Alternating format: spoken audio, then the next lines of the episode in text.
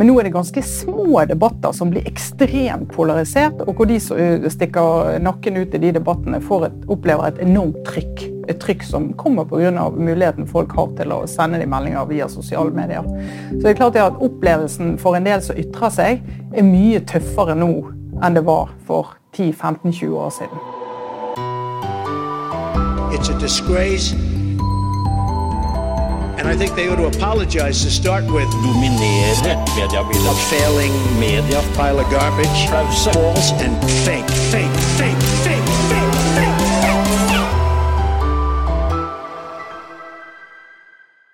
Hun fikk bare noen måneder i sjefsstolen før nedstenginga og korona var et faktum. Og Likevel så satser Aftenposten tungt, enten det er næringsliv, eller det er lyd, eller nå også Oslo. Men kan Aftenposten ta rotta på Avisa Oslo? Velkommen i studio, Trine Ellefsen, sjefredaktør og administrerende direktør i Aftenposten. Tusen takk. Amedia, vår journalistikk og våre annonser når 2,3 millioner nordmenn hver dag over hele landet. Amedia.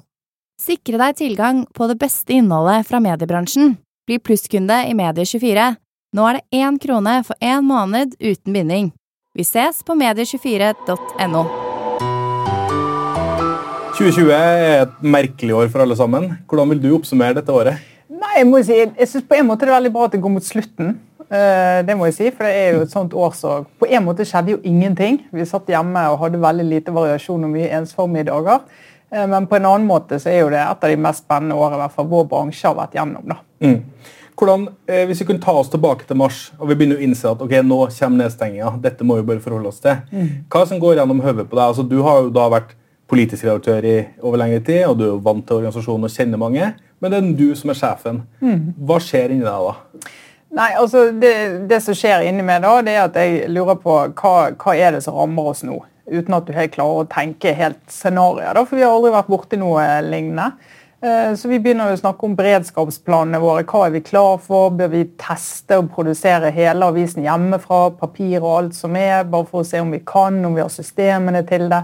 Så vi begynner å snakke litt sånn, og Før vi var ferdig snakket om det, så var jo alle reist hjem. Eh, så det var jo bare å sette seg ned og begynne å tenke dag for dag. Hvordan skal vi, hvordan skal vi organisere oss og leve inn i det her? Men det første bekymringen som slår deg, det var jo når du begynner å høre hvordan det går med annonsetallene. Mm. Eh, og det gikk jo ikke bra. Eh, det var jo ganske mørkt. Eh, men så på den andre side så kom jo da lesertall og opplagstall, og du så at interessen for journalistikk har vel ikke vært større i Norge enn det var i de månedene og ukene der. Kommersielt så har det jo vært en utfordring for veldig mange, kanskje spesielt de som ikke er en del av de store konsernene. Mm. Men lesermessig, redaksjonelt, så har det vel kanskje vært en gullgruve? Ja, det har det. Vi har jo hatt en vekst på over 10% i digitale abonnenter. Eh, og vi merker jo at utover høsten at det, det ligger høyt. Eh, sånn at vi er på et annet nivå, rett og slett. Eh, og folks vilje til å benytte seg av journalistikk og betale for journalistikk, det har virkelig skjedd noe i år. da. Mm. Som jo er viktig for mange av oss. Men så er det klart på annonsesiden så er noe kommet tilbake. Vi er ikke kommet helt tilbake til oss, det er noe av det vi sliter aller mest med.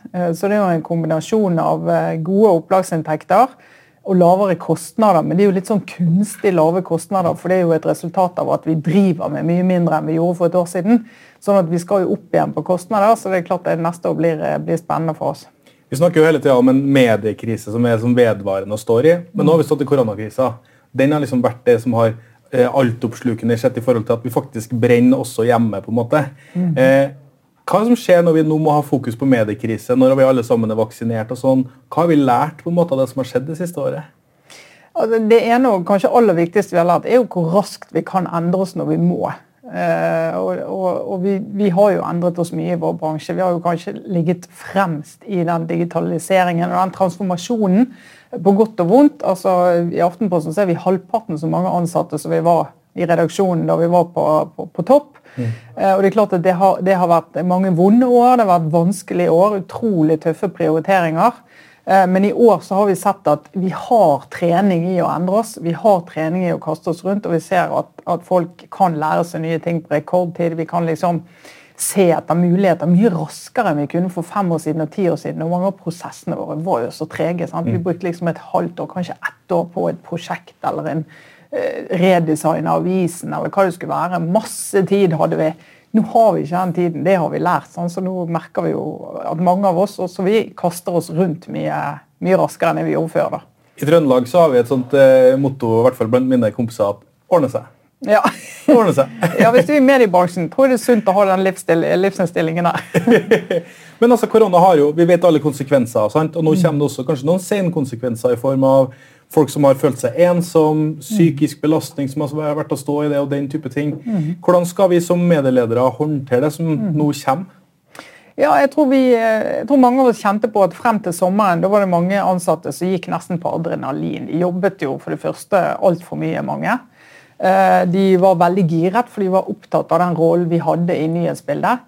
Um, og så ser vi utover høsten at da begynner det å butte mer for flere. Sant? Og vi vet at enkelte bor alene, uh, har uh, kanskje det sosiale livet sitt på jobben eller med venner. I høst så har de mistet begge deler. Uh, og det gjør noe med både kraft og energi for noen. Noen trives med å ha det sånn, men noen de mistrives veldig. Mm. Og det der å greie å se de Eh, og greie å legge til rette for at de kan, eh, kan, få et fornuftig arbeidsmiljø. Det er jo noe av det vanskeligste vi holder på med, men vi er nødt til å jobbe med nå i høst og vinter, men langt ut på nyåret, for vi er jo ikke gjennom dette ennå. Jeg har en kompis som er lærer, og han sier at de introverte eh, elevene de har blomstra denne perioden. De ekstroverte visna litt mer. Jeg kjenner meg sjøl veldig igjen. Jeg er veldig ekstrovert mm. og hater å sitte på hjemmekontor. Hvordan er det for deg? Du, Jeg er en såkalt uh, ambivert, som det heter. Så jeg, jeg, jeg, Er det beste fra to verdener eller det verste fra to ja, verdener? Det, det, kommer nok litt an på dagsformen òg, men, men, det er klart jeg er nok en type som trives alene. Og jeg trives med å tenke, og særlig hvis jeg skal jobbe med strategiske spørsmål og er nødt til å, dra gjennom et resonnement. Så jeg kan sitte alene ganske mye. Men samtidig så merker jo jeg at ganske, etter noen dager så, så går energinivået ned. Mm. og jeg merker ideene blir flatere. Eh, for jeg får ikke diskutert det med noen. Så jeg får sånn endimensjonale ideer, ikke tredimensjonale. Og så det blir litt sånn Jeg kjenner at det blir mindre kreativ. da. Mm. Og, og løft, altså Blikket synker nedover og ikke oppover og utover. Så jeg, jeg trenger folk for det. altså. Ja, du må ha litt sånn det. Men det er noe med det å drive kreativt arbeid, for vi driver mm. mye kreativt arbeid i. Mm. Å sitte alene eller å utvikle det på Zoom eller Teams, eller hva, det er liksom ikke helt uh, optimalt. Det er ikke optimalt. Det er jo der vi har tapt uh, mest i år. Sant? Og vi er nødt til å få restartet det egentlig over hele redaksjonen særlig. Uh, Men det vi ser, vi har jo spørreundersøkelser blant ansatte, og flertallet av våre ansatte sier at de er blitt mer effektive. altså De føler de får gjort mer. Så er jo et problem for oss nå at en del får jo gjort altfor mye. sant? Altså de, de, Arbeid og fritid sklir over i hverandre, så vi må mm. prøve å hjelpe folk med å sette grenser. Eh, som jeg sier at våre folk Gå ut når det er dagslys. Ta deg en tur. altså Gjør det, for det er så lite dagslys. Du trenger det lyset. Og når det er sol, så med alle pålegg om å gå ut. Eh, for vi vil at de skal komme seg ut av huset og ikke sitte foran den skjermen hele dagen. Eh, men så, så, sier de jo det at vi får gjort mer, så han blir ikke forstyrret. Vi, mange av oss sitter i landskap.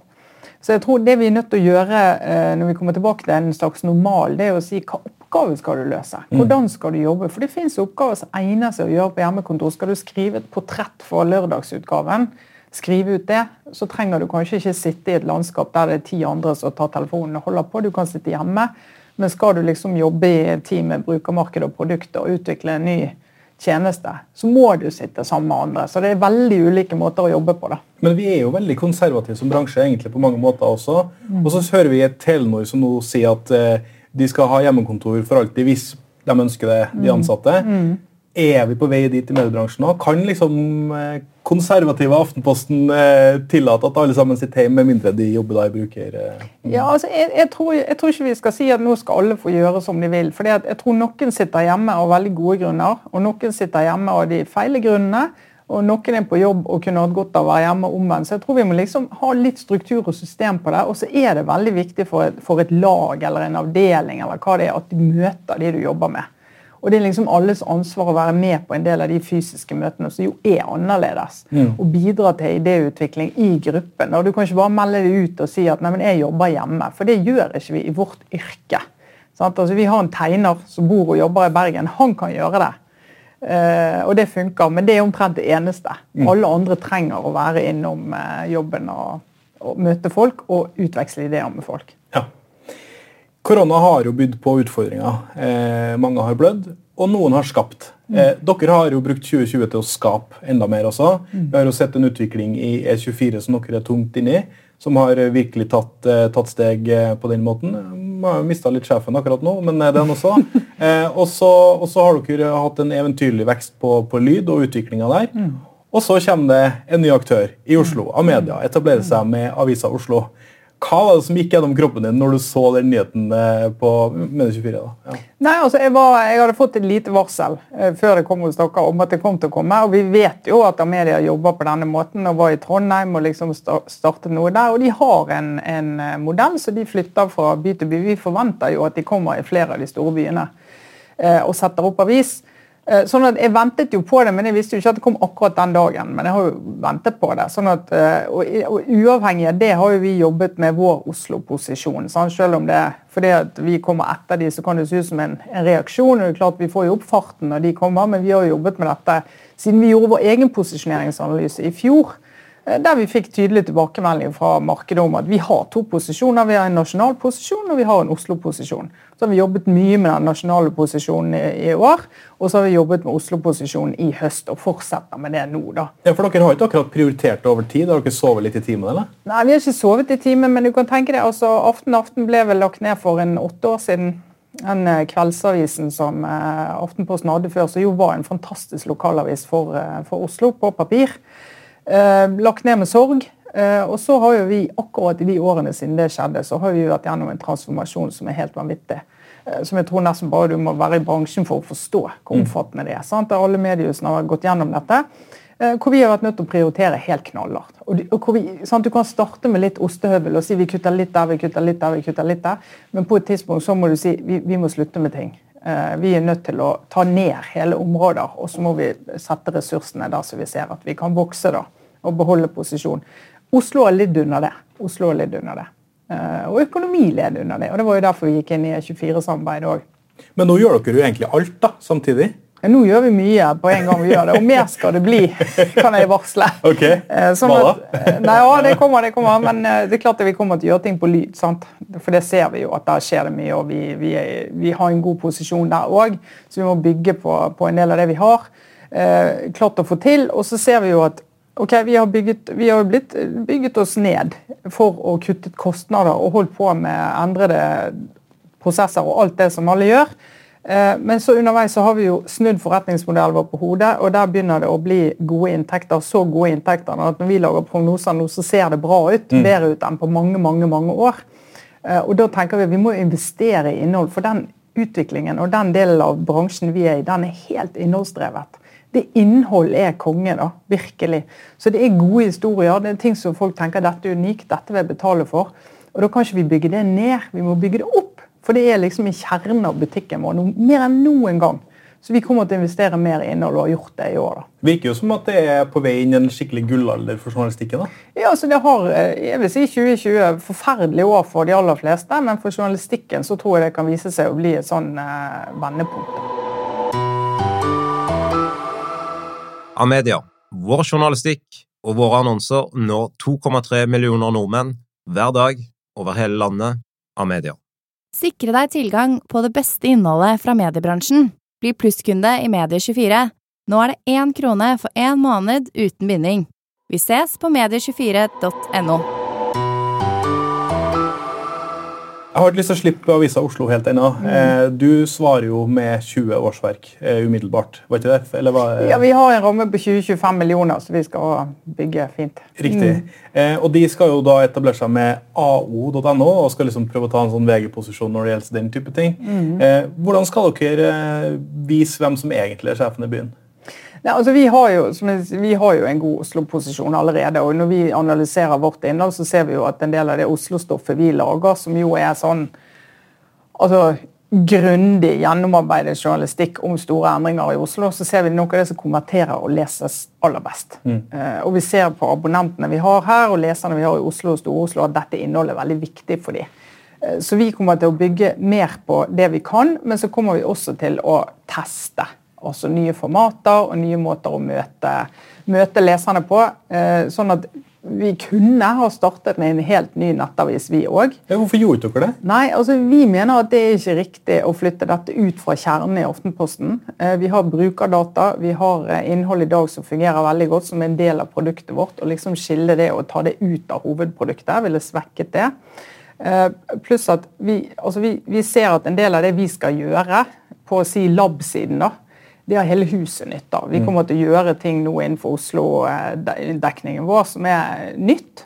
Eh, vi kommer til å eksperimentere mer, og vi kommer til å skalere når vi ser at det fungerer. Men det skal være mer fart i den utviklingen da, enn det er på en del av de tradisjonelle områdene. Men det er vanskelig å holde liksom fot i rikssporet og så én i det lokale? fordi at det er klart at Eh, hvis det er glatt ute i Oslo, vi bor i Oslo og snakker om Oslo nå, hvis det er glatt ute, så går ikke jeg på Aftenposten for å se etter at det er glatt ute. Mm. Men der kunne jeg gjort i en lokalavis andre steder. Mm. Folk i, nasjonalt bryr seg jo katta om det er glatt i Oslo eller ikke. Hvordan skal dere klare å få til det? Er det AI som er greia, med, med personifiserte fronter osv.? Ja, vi kommer til å måtte jobbe mye med personalisering. Vi kommer til å være veldig åpne om at vi gjør det. for Vi vet at folk blir irritert hvis de føler at de blir litt sånn lurt og får en annen front. fordi at så Folk skal få muligheten til å velge litt hvordan de vil vekte innholdet på fronten vår. Men så er det klart at Aftenposten NO-fronten kan ikke løse Uh, alle disse satsingene. Sant? Vi går opp på økonomi, vi går opp på sport, vi går opp på, på um, Oslo og det kommer mer. og Hvis vi skal stappe alt dette inn i sånne faste rom på Aftenposten NO-fronten, så blir jo den bare en sånn portal til slutt. Ja. Eh, som jeg ikke tror fungerer. Sant? Vi er nødt til å ha nyhetstrykk i toppen, og vi er nødt til å liksom ha de der sterkt konverterende sakene våre som gjelder nasjonalt.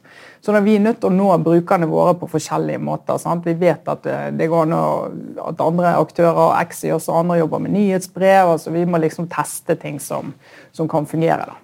De sier at de skal være en avis i øyehøyde med folk. Er mm. Aftenposten i øyehøyde med folk? Ja, det vil jeg absolutt si.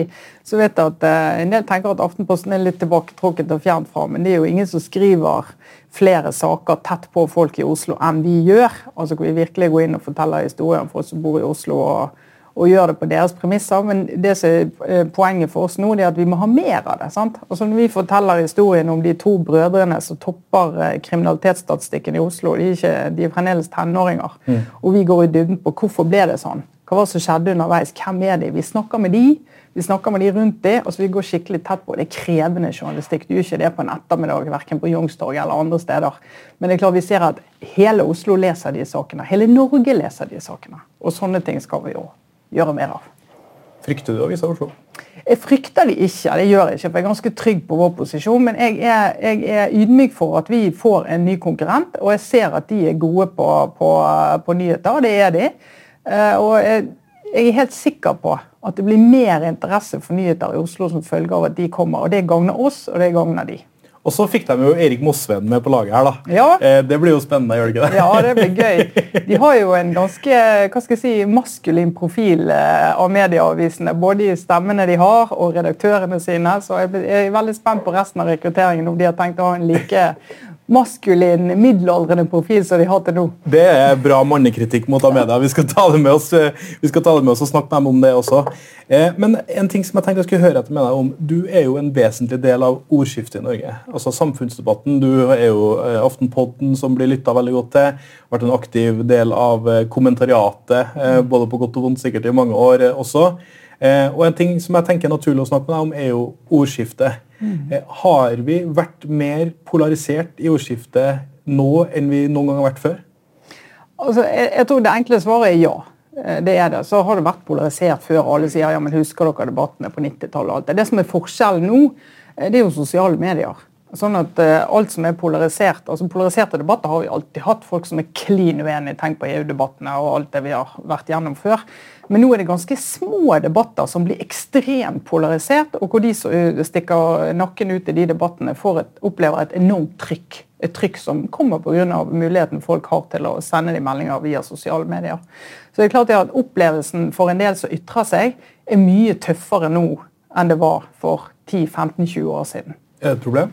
Ja, det er et problem. For det gjør at en del trekker seg tilbake og ikke orker å delta i ordskiftet. Altså de enkelte som bare tenker men jeg skal jo bare ut og ytre meg og bare stille spørsmål eller si at jeg var litt enig med det eller litt uenig med det, og så får de seg også en skyllebøtte og noen direktemeldinger som, så gjør at de tenker men dette er det jo ikke verdt. det her gidder Jeg ikke. Jeg får ikke betalt for å ytre meg. Hvorfor skal jeg gjøre det? Altså Sånne som jeg får jo betalt for å ytre oss, så vi skal jo gjøre det. Men hvis du ikke gjør det, og det er jo faren, da, hvis du kommer dit at det er bare de mest sånn tykkhudete hva skal jeg si, idiotene og de som får betalt for å ytre seg, som, som driver debatten i Norge, det er ikke sunt.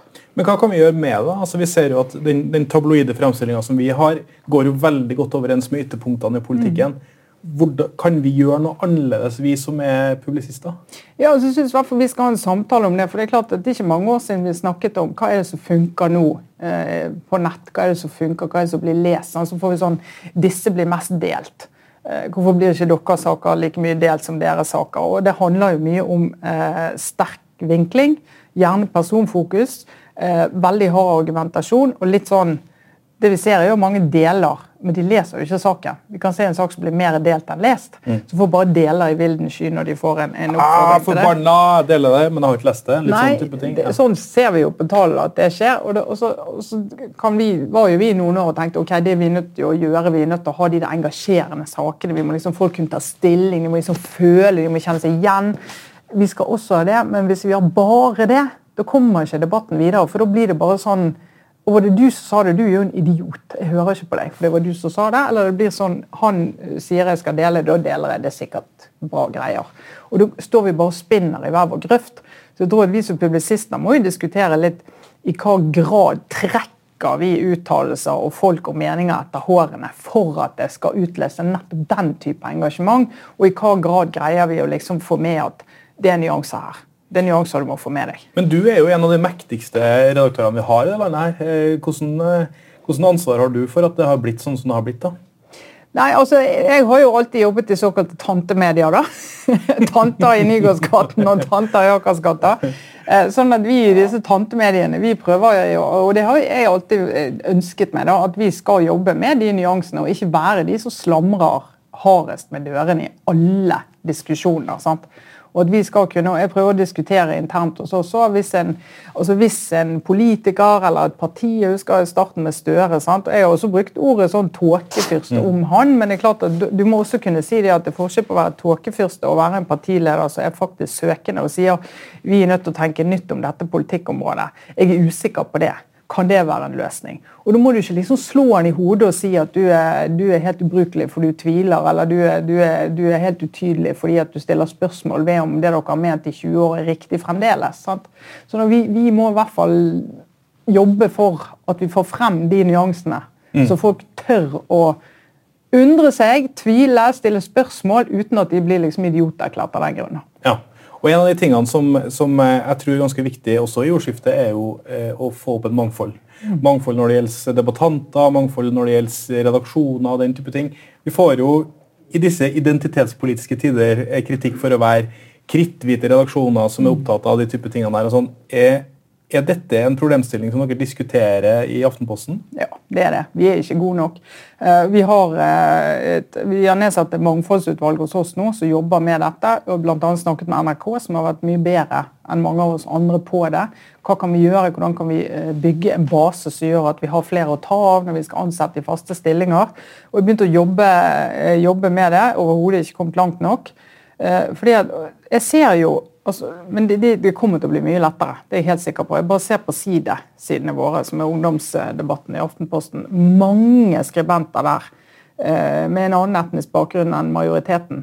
Så virkelig gå inn i de aller tøffeste debattene. Gutter og jenter. Og virkelig står i det og virkelig mener. og er sånn, 16-åringer som ja, noe om identitetspolitikk. Altså. Ja. De er talenter. sånn at de kommer, Det er jo de som kommer til å prege ordskiftet i Norge om noen år. Sånn, så da er det opp til liksom, oss i redaksjonen. Vi må jo se de, og vi må liksom bygge de og, og, og ta de med oss videre, så ikke de bare forsvinner ut i et eller annet sted. Og, men, men, hva kan vi gjøre som redaksjoner da, på nyhetsplass for å få opp et større mangfold eh, der? Ja, vi må jo snakke med forskjellige kilder. og da tror jeg det, Til slutt så kommer vi bare ned til at du er nødt til å ha det som et fast punkt hver gang du diskuterer og evaluerer i saker. Så må du liksom spørre ok, hva vi fikk vi tak i nok kilder her. Størst, større bredde i kildeomfanget. Og så er det klart at Mange av redaksjonene vi har jo så vidt liksom klart å begynne å jobbe skikkelig med kjønnsbalanse. Strevde jo, altså, for det som du nevnte i starten, Redaksjoner er konservative. og Vi har en eller annen sånn syk idé om at ting bare går seg til. Du trenger ikke gjøre noe ekstra for å få det til, men det er en jobb. sant? Det var en jobb å få kvinner eh, opp og inn i ledelse i journalistikken og i mediehusene. Og det blir en jobb å få et større mangfold på andre måter òg. Så du kan ikke sitte og vente bare på å si nei, men det var jo ingen søkere. Du må jobbe aktivt med det. Eh, så de må se seg sjøl som kilder, men de må også se seg sjøl som journalister, som meningsytrere, som stemmer i mediene, for liksom overhodet tenke Går det an? Har du noen KPI-er på det? Altså, noe, Ønsker du å bli målt på, på, på mangfold? eller noe sånt? Ja, altså i eh, på å si, Konsernet har de jo diversity. Vi hører jo engelskspråklig eh, konsern. mål. Og på redaksjonen så diskuterer vi liksom hva er fornuftig mål å ha. Sant? Det går an å ha mål hvor mange skal, hvor stor andel av de som er inne på intervju. Men altså, vi er litt sånn i startfasen på de kopiene. og sånn bare si Så mange skal vi ha innen sånn og sånn tid. Vi er nødt til å se hva vi tror vi får til. Men det vi kommer til å gjøre nå, det er å starte sånn trainee-program. da, eh, Hvor vi får inn folk som vi kan eh, bygge. Med minoritetsbakgrunn? Ja, minoritetsbakgrunn. Mm. Ja, Spennende. Kan du fortelle litt mer om det? Ja, altså vi kommer, det i samarbeid. Det er VG og BT og flere mediehus hos oss som kommer til å ta inn traineer som kan få jobbe på tvers i konsernet et år, og som får veldig systematisk oppfølging. Ja, Det er det mest konkrete jeg har hørt noen eh, si om mangfold i media. så det må jo sies. Ja, NRK er jo gode på det der òg. Det er de virkelig. Også. De har jo flere prosjekter der. Eh, kort til slutt, eh, Trine. Eh, 2020 er jo på mange måter et annos annus horribilis eh, som, eh, som for mange. da. Journalistikken har vært en gullalder, som vi er enige om.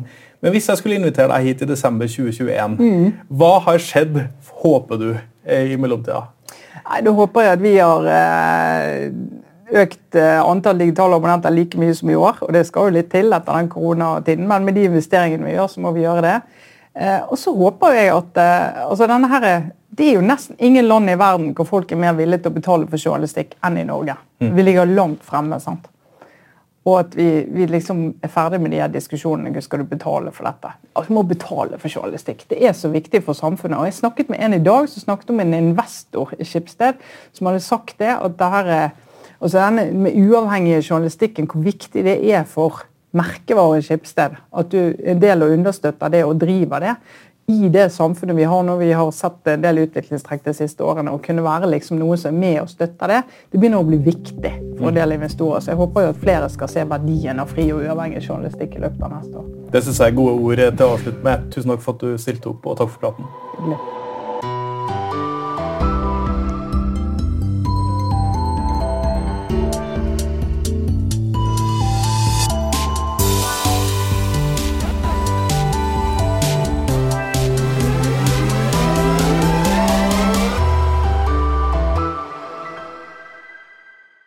Hyggelig. media, Vår journalistikk og våre annonser når 2,3 millioner nordmenn hver dag over hele landet.